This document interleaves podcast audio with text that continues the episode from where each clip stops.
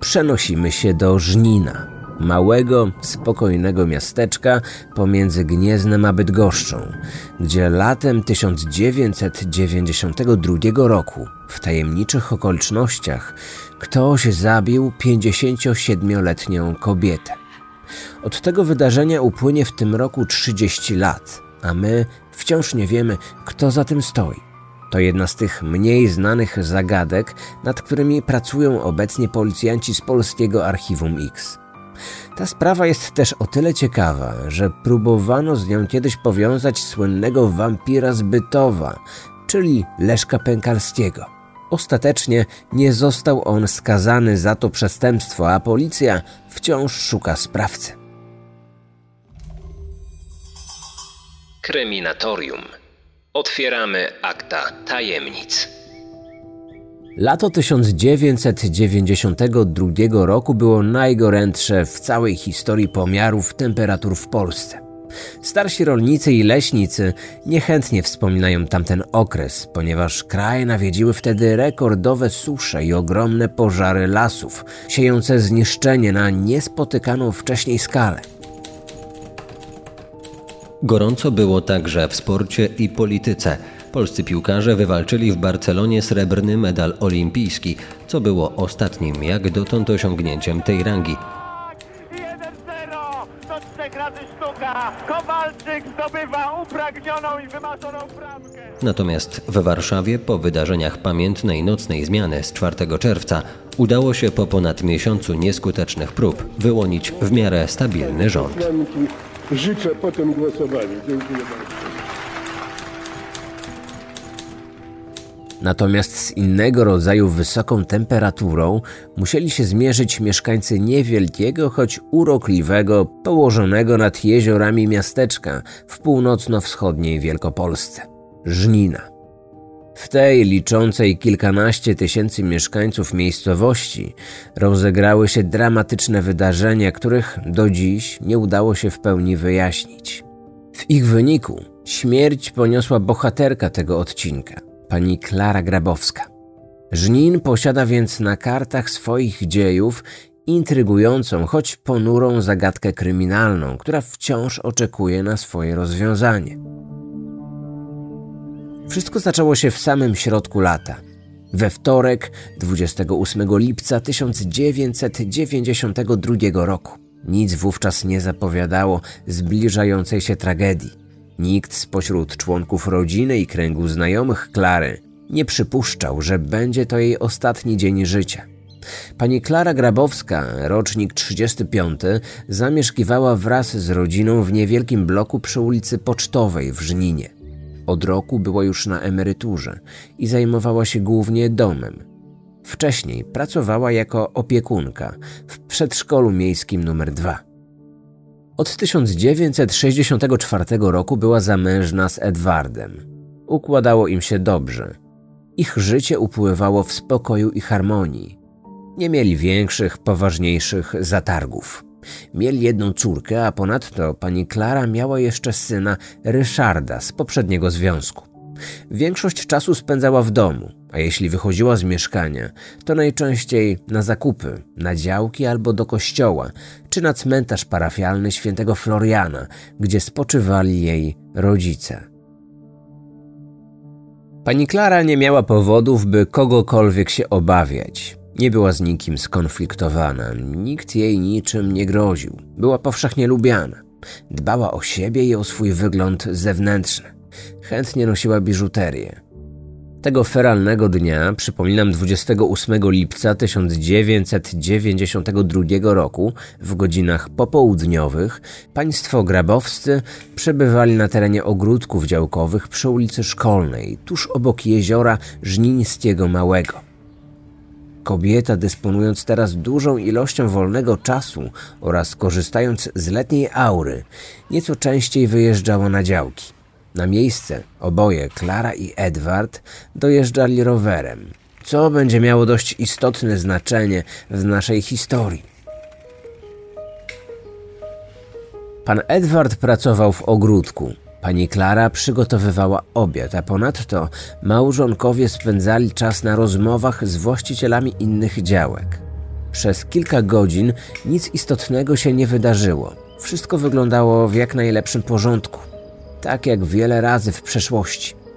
Była ładna pogoda, otoczenie zieleni i orzeźwiające powietrze napływające z nad pobliskiego jeziora sprawiało wrażenie, że nic nie jest w stanie zakłócić spokoju państwa grabowskich. Około 16 zaczęły powoli następować wydarzenia, które w ciągu kolejnych kilkudziesięciu minut przybrały niespodziewany, niezwykle dramatyczny obrót. Tak oto początek tych wydarzeń opisał w swoich późniejszych zeznaniach mąż kobiety. W pewnej chwili, kiedy przebywałem na działce z żoną, ona powiedziała do mnie, że mamy ładne kwiaty i pojedzie rowerem na cmentarz zawieźć kwiaty na grób swoich rodziców. Żona narwała tych kwiatów, wzięła rower i wzięła torbę. Na palcach dłoni miała dwie obrączki, po jednej na każdej dłoni. Na szyi łańcuszek posrebrzany z wizerunkiem papieża. Kiedy wychodziła z działki, ja również opuściłem działkę. Rozstaliśmy się z żoną na ulicy Szkolnej. Ja udałem się do Rydlewa, czyli w lewo, a żona udała się w kierunku prawym, to jest w kierunku ścieżki przy torach kolejki wąskotorowej.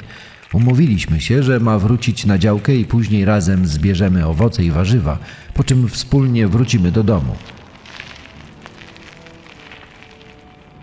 Około godzinę później, zgodnie z umową, pan Edward powrócił z Rydlewa na działkę w Żninie. Miał nadzieję zastać tam małżonkę, jednak z lekkim zdziwieniem stwierdził, że Klary nadal tam nie ma. Postanowił więc na nią zaczekać i w międzyczasie popracować jeszcze trochę w ogródku. Niestety, okres wyczekiwania wydłużył się.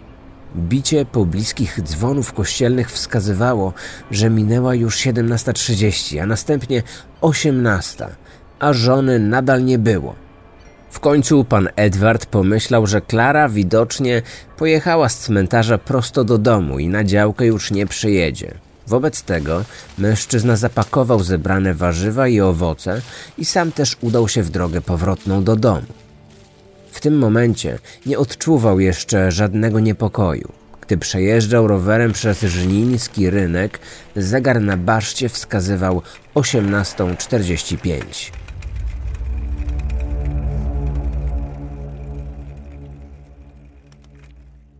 Po wejściu do mieszkania od razu zapytał córkę, czy mama już wróciła. Ta odpowiedziała, że nie. I tu w umyśle pana Edwarda zapaliła się pierwsza lampka alarmowa. Pomyślał wprawdzie, że żona może wstąpiła po drodze do którejś ze swoich znajomych, co w przeszłości wiele razy się zdarzało, ale jednocześnie pojawiły się już pierwsze oznaki zaniepokojenia. Klara, jeśli tylko zapowiadała przyjazd na działkę, to zawsze dotrzymywała słowa, a tym razem tak się nie stało. Dlaczego? Z każdą upływającą godziną stopniowo wzrastało zdenerwowanie zwłaszcza po 22. Wtedy było już bardzo mało prawdopodobne, aby Klara zasiedziała się u którejś z koleżanek do tak późnej pory. Czy zatem przytrafiło jej się coś złego? Może miała jakiś wypadek albo zasłabła i wymaga pilnej pomocy. W końcu o pierwszej w nocy, na wyraźne żądanie córki, pan Edward razem z Ryszardem wszczęli poszukiwania. Wyszli z mieszkania i udali się w kierunku cmentarza, z nadzieją, że po drodze odnajdą kobietę. Przeszli tę drogę, doszli do samego oddalonego o około półtora kilometra cmentarza, ale niestety po drodze nie było żadnego śladu. No, prawie żadnego. Przy grobie rodziców Klary Edward zauważył kwiaty, które po południu małżonka zebrała na działce. Pomimo nocnej pory dało się zauważyć ślady grabienia wokół grobowca. Był to wyraźny sygnał, że Klara dotarła do tego miejsca cała i zdrowa. W takim razie coś złego musiało jej się przytrafić w drodze powrotnej, skoro nie dotarła ani na działkę, ani do domu. Ale co się mogło stać i gdzie? Wracając do domu, mężczyźni przechodzili ścieżką wzdłuż torów kolejki wąskotorowej. Tą samą, którą wcześniej Klara jechała na cmentarz. Ścieżka ta prowadzi od cmentarza do ulicy Szkolnej. Panowie, przechodząc nią, oświetlali latarkami pobocze, ale niczego istotnego nie zauważyli. Nie byli wówczas jeszcze świadomi, że od rozwiązania zagadki dzieliły ich dosłownie metry. Po dotarciu na ulicę szkolną wstąpili jeszcze na działkę, ale i tam nie było po kobiecie żadnego śladu. Nigdzie nie znaleźli też jej roweru. W końcu pozostawało im już jedyne wyjście z tej sytuacji zgłosić na policji zaginięcie oraz sprawdzić, czy kobieta nie uległa jakiemuś wypadkowi, w efekcie którego mogłaby trafić do szpitala. W szpitalu jednak jej nie było. O świcie 29 lipca do poszukiwań dołączyła żnińska policja. Oprócz Klary szukano także roweru składaka marki Jubilat koloru czerwonego, którym poruszała się zaginiona, gdyż i ten przepadł bez śladu, a miejsce, w którym się znajdował, mogło przecież dostarczyć ważnych wskazówek co do losu samej kobiety. Jeszcze tego samego dnia doszło do pierwszego przełomu.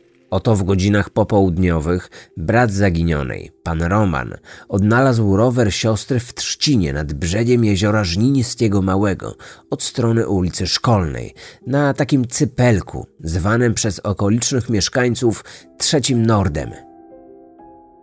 Tak dziwne miejsce znalezienia tego roweru wskazywało na to, że został on tam umyślnie przez kogoś porzucony, a nie pozostawiony przez samą właścicielkę.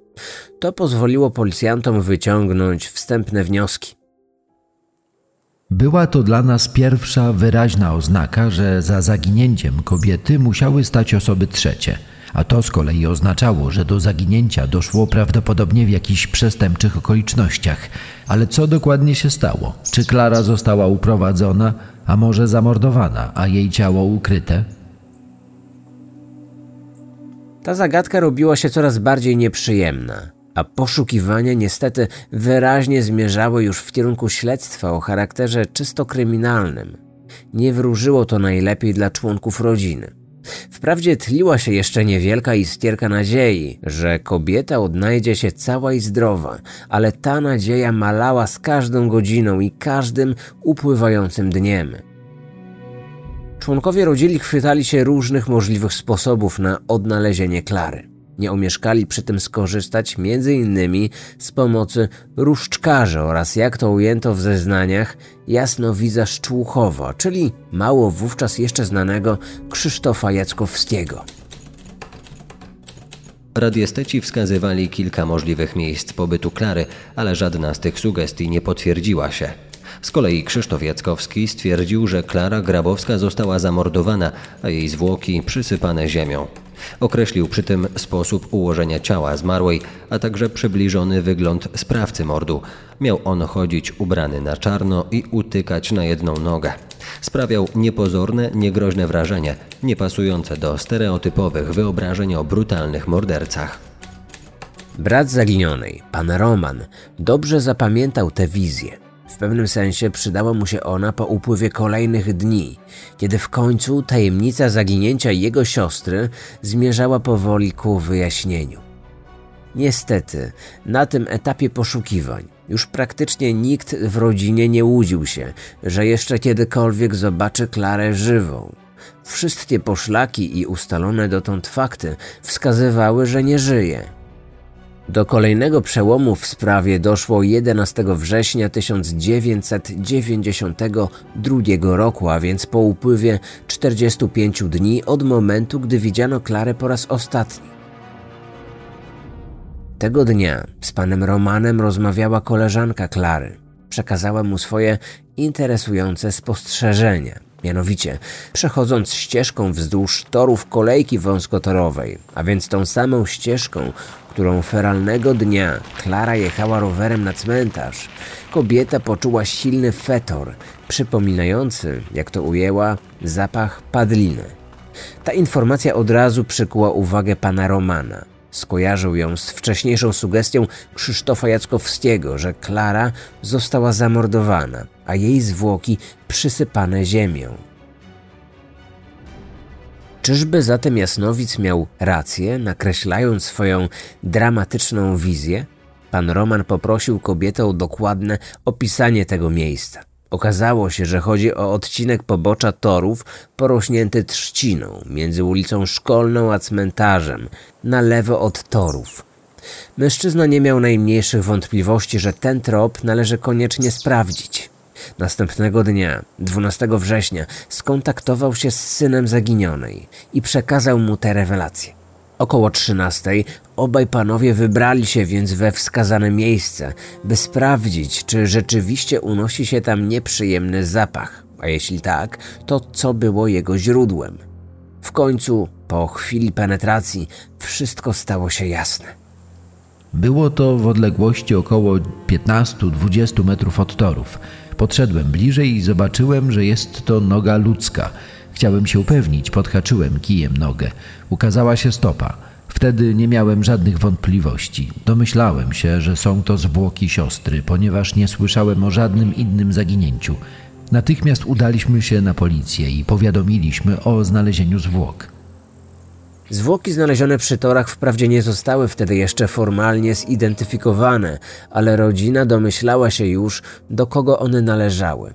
Dobiegły zatem końca poszukiwania, choć niestety z tragicznym skutkiem. Wszystko wskazywało na to, że śmierć była rezultatem zabójstwa. O tym znalezisku powiadomiono także prokuraturę żnińską oraz komendę wojewódzką policji w Bydgoszczy. Powołano specjalną grupę operacyjno-śledczą. Na miejsce przybył lekarz medycyny sądowej, który wstępnie oszacował, iż zgon ofiary nastąpił przed około miesiącem. Oględziny rozpoczęły się formalnie o 17.25 przy temperaturze powietrza 22 stopni Celsjusza. Trwały niemal półtorej godziny. W protokole możemy przeczytać m.in. taki fragment. Widać kawałek nogi, to jest od stopy do połowy lewego uda. Tkanka na widocznym odcinku jest koloru żółto-brązowego z widocznymi ubytkami na kolanie i udzie. Dolna część nogi od palców do połowy łydki jest koloru ciemnego, pokryta warstwą ziemi. Noga zgięta jest w kolanie pod kątem 90 stopni. Po zdjęciu warstwy ziemi, po otarciu pleców ujawniono głowę wraz z włosami, na którą naciągnięty jest częściowo sweter koloru czarno-białego ze ściągaczem. Twarz niewidoczna, przysypana ziemią. Zwłoki leżą na prawym boku, prawa noga przysypana ziemią na całej długości, bez widocznych śladów obuwia. Na długości od stóp do wysokości piersi nie ujawniono śladów odzieży.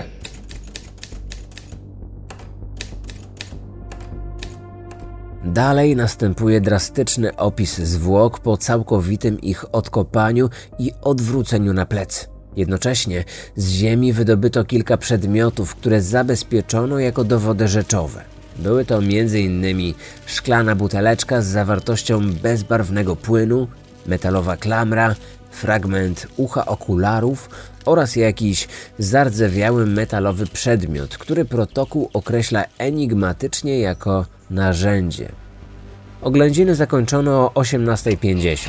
Miejscowa firma pogrzebowa przetransportowała szczątki do zakładu medycyny sądowej Akademii Medycznej w Bydgoszczy.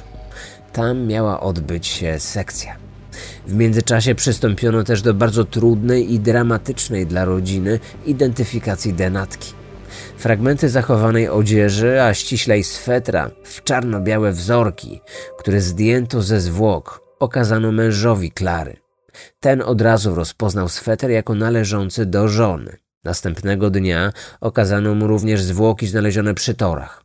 Rozpoznał je po sylwetce, włosach i fragmentach zachowanej odzieży.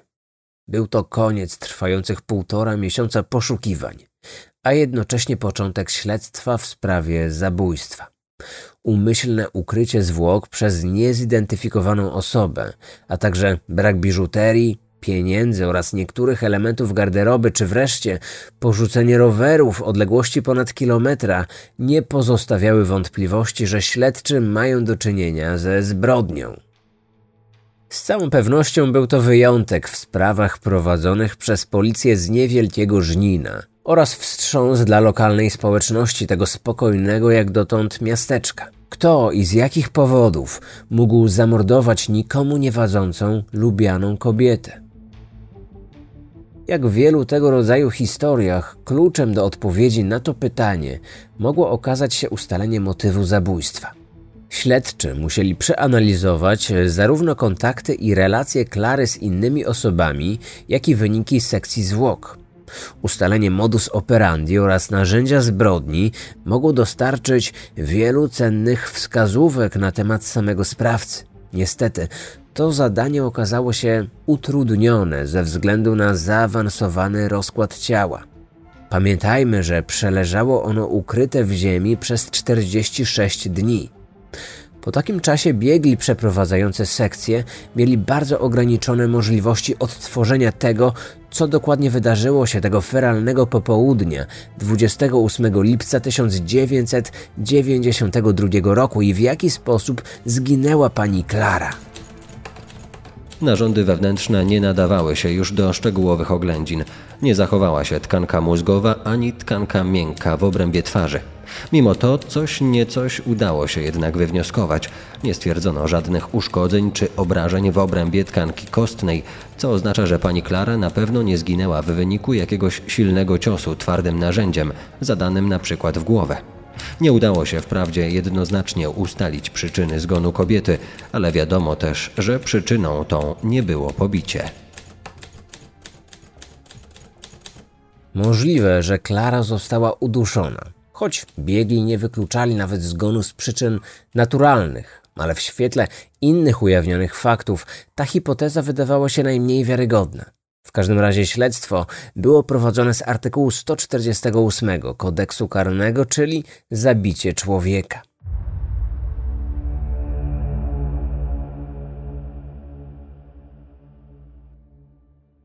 W trakcie dochodzenia przeprowadzono wywiad środowiskowy wśród mieszkańców ulicy Pocztowej w Żninie. Policjanci chcieli ustalić, jakie relacje panowały w tej rodzinie, a te, jak wynikało z wypowiedzi sąsiadów, układały się dobrze. Dochodziło wprawdzie niekiedy do przejściowych nieporozumień między Klarą a jej mężem, ale nie było to nic na tyle poważnego, by mogło rzucić choćby cień podejrzenia na męża ofiary. Sprawdzaliśmy różne możliwe wątki, także te o charakterze plotkarskim. Przykładowo na miejscowym targowisku krążyła pogłoska, jakoby sprawcami zabójstwa mieli być mieszkający w Żninie Rosjanie, a motywem miał być odwet za jakiś donos na policję, o który ci mężczyźni ją podejrzewali. Jednak mąż pani Klary stanowczo wykluczał możliwość, aby mogła być ona autorką takiego donosu. Przesłuchano także kilkudziesięciu działkowiczów. Jak wiemy, ogródki działkowe znajdują się w odległości około 400 metrów od miejsca, gdzie zamordowano Klarę. Być może któryś z działkowiczów przechodził tamtędy tego feralnego dnia i zauważył coś, co mogło mieć związek ze sprawą, ale dopiero na wieść o zabójstwie skojarzył pewne fakty. Niestety, rozpytania tego rodzaju nie przyniosły większego skutku. W aktach przewija się także postać niejakiego Henryka N., pięćdziesięcioletniego mieszkańca Żnina, zmarłego dwa i pół roku później. Jeden z policjantów pracujących nad sprawą sporządził taką oto notatkę służbową. Ustaliłem, że na przełomie miesiąca lipca i sierpnia mieszkający na cmentarzu mężczyzna zwabiał do swego mieszkania znajomych, gdzie upijał ich alkoholem i denaturatem, a następnie ich ograbiał i bił do nieprzytomności inna mieszkanka Żnina. Dodała też, że jeszcze przed zabójstwem Klary ten mężczyzna nakłaniał ją do wstąpienia do jego domu pod pretekstem pokazania jej, w jak złych warunkach mieszka. Kobieta nie skorzystała z tej niecodziennej propozycji, zwłaszcza, że z wnętrza tego mieszkania dochodziły wyraźne odgłosy libacji alkoholowej. Przesłuchania świadków oraz samego wytypowanego działkowicza nie wniosło jednak do sprawy niczego przełomowego. Śledczy nadal nie wiedzieli, kto i dlaczego zabił. Jako motyw zbrodni przyjęto dwie możliwe wersje. Pierwsza to tło seksualne, o czym mogła świadczyć obnażona dolna część ciała denatki, oraz tło rabunkowe. Morderca zabrał ofierze pieniądze i biżuterię. Może więc to chęć wzbogacenia, chęć kradzieży była powodem zabójstwa. Żadnego z tych tropów nie udało się niestety zweryfikować jako wiodącego, a tym samym nie udało się zawęzić kręgu poszukiwań mimo podejmowanych prób. Na przykład wytypowano mężczyznę, który mógł mieć związek z tym zdarzeniem. W policyjnej notatce służbowej znajduje się taki zapis. Uzyskałem informację, że wymieniony przejawia dewiacje seksualne spowodowane tym, że jego potrzeby seksualne objawiają się w kilkakrotnym odbywaniu stosunku płciowego w ciągu jednego dnia. Ponadto ustalono, że stosunki rodzinne wymienionego w lipcu 1992 roku układały się bardzo źle. Z żoną żył w separacji. Nadmienia się, że posesja, w której zamieszkuje, jest usytuowana w bliskiej odległości od miejsca, gdzie znaleziono zwłoki Klary. Ale i ten trop do niczego w śledztwie nie doprowadził. Krążyły też na mieście pogłoski, że niektóre osoby bardzo dobrze wiedzą, kto jest sprawcą zabójstwa, ale są zastraszane i nie mają odwagi podzielić się swoją wiedzą z policją. Interesujące zeznania złożył też pewien rencista ze Żnina. Otóż feralnego dnia, czyli 28 lipca około 23, szedł ścieżką, na której kilka godzin wcześniej zaatakowano panią Klarę. I w pewnym momencie z zarośli na poboczu wyłonił się nieznany mu mężczyzna w wieku około 35 lat. Poprosił o papierosa. Świadek poczęstował go papierosem i zapalił mu go. Następnie nieznajomy spytał, dokąd idzie. Odparł, że nad jezioro położyć się na ławce, bo obecnie mieszka pod chmurką. Po tej krótkiej wymianie zdań świadek poszedł w swoją stronę, a tamten w swoją. Niestety, o tej porze było już ciemno i zeznający mężczyzna nie był później w stanie odtworzyć portretu pamięciowego nieznajomego. Wprawdzie ten gość, który poprosił o papierosa i ogień, nie musiał mieć nic wspólnego z zabójstwem. Jego pobyt w zaroślach nieopodal miejsca zbrodni o tak późnej porze mógł być zupełnie przypadkowy ale całkowicie wykluczyć jego związku z tą sprawą nie możemy. Znamy z annałów kryminalistyki przypadki, kiedy zabójca powracał na miejsce zbrodni po zachodzie słońca, by pod osłoną ciemności dokładniej ukryć zwłoki ofiary. Taka sytuacja zdarzyła się m.in. w sprawie zabójstwa studentki Jolanty Tchórz w Lublinie w 1991 roku. O tej sprawie mówiłem nieco więcej w odcinku na moim kanale na YouTube. Zamieszczam link do tego materiału w opisie tego odcinka i tam odsyłam wszystkich zainteresowanych. Czy zatem morderca Klary powrócił po kilku godzinach na miejsce zbrodni, by zakopać wcześniej tylko prowizorycznie ukryte ciało? Na to pytanie niestety nadal nie znamy odpowiedzi. Weryfikowaliśmy ponadto informacje o napadzie rabunkowym na kobietę, jaki zdarzył się nad jeziorem Żnińskim Małym w przeddzień zabójstwa. Sprawdzano mężczyznę, który w dniu 4 września dokonał gwałtu na 65-letniej kobiecie. Przesłuchiwano również mieszkańców okolicznych miejscowości. Rozpytywaliśmy właścicieli, obsługę i bywalców lokalnych pijalni piwa, a także osoby odwiedzające targowisko w Żninie. Policjanci mieli nadzieję, że może komuś zaoferowano kupno zegarka czy biżuterii, która mogła pochodzić z tego przestępstwa. Niczego jednak nie stwierdzono. Przeszukania domów osób wytypowanych do sprawy również niczego nie wniosły. Wobec tych niepowodzeń prokuratura 31 grudnia 1992 roku umorzyła śledztwo. Trwało ono zatem jedynie 3,5 miesiąca. Być może za krótko, by wpaść na trop zabójcy. Ale mimo to zebrane w tym czasie informacje i dowody pozwoliły ustalić prawdopodobny przebieg ataku. Wszystkie ujawnione elementy układanki wskazują, że pani Klara napotkała mordercę w drodze powrotnej z cmentarza do ogródków działkowych. Było to gdzieś pomiędzy 16 a 16.30. Później jechała rowerem, czerwonym jubilatem.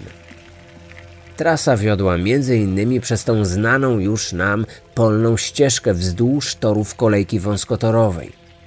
Około 100 metrów od cmentarza mijała idących z naprzeciwka 16-letnią uczennicę liceum oraz jej młodszego kuzyna. Byli oni ostatnimi świadkami, którzy widzieli Klarę żywą. W tym momencie nastąpiło gwałtowne załamanie pogody. Słońce skryło się za chmurami, zerwał się gwałtowny wiatr. Jakby był to symboliczny, złowieszczy prognostyk zbliżającej się nieuchronnie tragedii. Od tego miejsca do miejsca późniejszego ujawnienia zwłok było już zaledwie 137 metrów. Nastoletnia uczennica może więc mówić o ogromnym szczęściu, że to nie ona padła ofiarą zbrodni. Szła przecież w kierunku, w którym kilkadziesiąt sekund później nastąpił atak. Jak wyjaśniała w późniejszych zeznaniach, w okolicy tego miejsca nie zauważyła żadnych podejrzanie zachowujących się osób. Być może życie uratował jej fakt, że towarzyszył jej kuzyn. Być może już wtedy w zaroślach na poboczu czaił się jakiś napastnik, który wypatrywał potencjalnej ofiary. Nie wiemy też, czy atak na Klarę miał charakter przypadkowy czy zaplanowany. To znaczy, czy to akurat Klara, a nie nikt inny miał być ofiarą napaści. Nigdy wcześniej nie zdarzały się w tym miejscu przypadki, aby ktoś ją zaczepiał, choć przejeżdżała tędy wielokrotnie. Napastnik e, lub napastnicy, bo właściwie nie wiemy ilu ich było, miał o tyle ułatwione zadanie, że w odległości trzech metrów od torowiska znajdował się stosunkowo stromy nasyp kolejowy, z którego względnie bezproblemowo można było zwlec bądź zepchnąć, czy też zrzucić zaatakowaną kobietę, a następnie już z dala od oczu potencjalnych świadków zaciągnąć ją w nieco dalej położone zarośla. Tam też zapewne doszło do dramatycznej wręcz walki pomiędzy ofiarą a napastnikiem. Niestety, 57-letnia kobieta nie miała najmniejszych szans w starciu z mężczyzną i tę nierówną walkę przegrała. Sprawca obnażył kobietę, możliwe, że zgwałcił, a także zrabował kosztowności, m.in. biżuterię, zegarek oraz gotówkę. Ostatnim aktem zbrodni, prawdopodobnie dopełnionym dopiero po zachodzie słońca, po powrocie sprawcy na miejsce ataku, było zakopanie zwłok w ziemi. Wiemy też, że zabójca odjechał stamtąd rowerem poszkodowanej, który wkrótce potem porzucił w Trzcinie nad brzegiem jeziora Małego Żnińskiego od strony ulicy Szkolnej. Tak mniej więcej wyglądały ostatnie chwile życia emerytowanej przedszkolanki. Tragedia, której nikt się nie spodziewał i która wstrząsnęła społecznością spokojnego jak dotąd urokliwego miasteczka, niestety nadal pozostaje w sferze nierozwiązanych zagadek kryminalnych. Pani Klara spoczęła na cmentarzu, w pobliżu którego została zamordowana. 28 lipca minie okrągła 30. rocznica tego już trochę zapomnianego zabójstwa. Śledczy mają więc nieco ponad 10 lat na jego wyjaśnienie.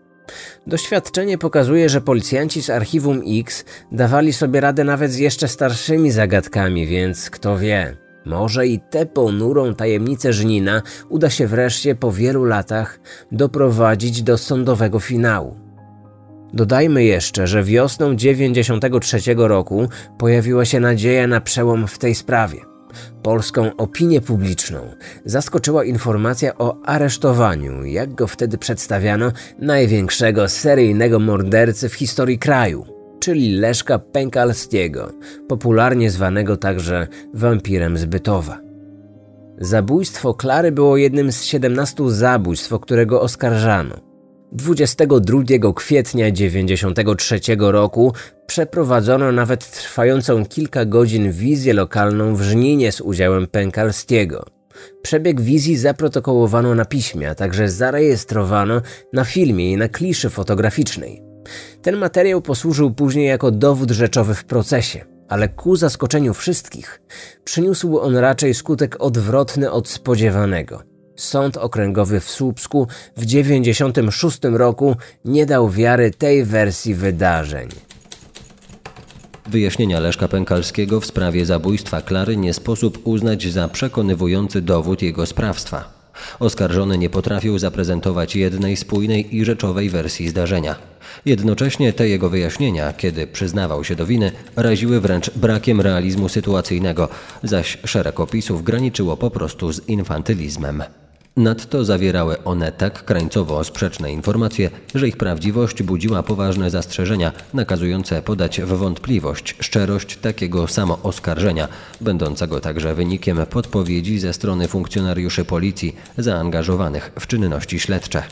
A w końcu tenże Leszek Pękalski nie zachował konsekwencji i odwołał swoje przyznanie winy. Nie istniały też żadne obiektywne dowody, z których można było wywnioskować, że sprawcą tej zbrodni był Leszek Pękalski. Krótko mówiąc, sąd nie znalazł podstaw, by skazać Pękalskiego za to zabójstwo i wydał w tym przypadku wyrok uniewinniający. Było to sporym zaskoczeniem zarówno dla mediów, jak i szerokiej opinii publicznej. Wydawało się, że organy śledcze mają na przysłowiowym widelcu seryjnego mordercę i że za jednym zamachem uda się rozwiązać wiele różnych zagadek zbrodni z minionych 12 lat. A tymczasem spośród 17 zabójstw, o jakiego oskarżano, wampir został skazany za jedno, czyli znacznie poniżej spodziewanego wyroku. Jak to było możliwe? Niedowierzanie było tak duże, że nawet do dziś część rodzin ofiar nie przyjmuje decyzji sądu do wiadomości. Jest przekonana o winie Pękalskiego, a wyrok sądu tłumaczy jedynie błędami w śledztwie oraz brakiem twardych dowodów. W dyskusjach na ten temat najczęściej pada argument, że Pękalski podawał jakoby sporo szczegółów z tych wszystkich tragicznych zdarzeń, które znać mógł jedynie morderca. Sąd nie miał jednak wątpliwości, że te szczegóły były Pękalskiemu podpowiadane czy też sugerowane w toku śledztwa, o czym zresztą mówił sam oskarżony. Uniewinnienie Pękalskiego od zarzutu zabójstwa Klary oznaczało, że jej oprawca wciąż pozostaje nieznany i niestety nadal takim pozostaje. Wciąż nie wiadomo kto i dlaczego zamordował spokojną, lubianą, emerytowaną przedszkolankę. Nie wszystko jednak stracone. Karalność tego mordu ulegnie przedawnieniu w lipcu 1932 roku. Być może do tego czasu uda się wreszcie rozwiązać kryminalną tajemnicę Żnina. A może wśród Was jest osoba, która wie na ten temat coś więcej. Odcinek powstał na podstawie informacji zawartych w aktach śledztwa w sprawie zabójstwa Klary Grabowskiej, prokuratury rejonowej w Szubinie z siedzibą w Żninie. A opracowaniem tematu zajął się Adam Kwiecień z serwisu Zbrodnie z Archiwum X.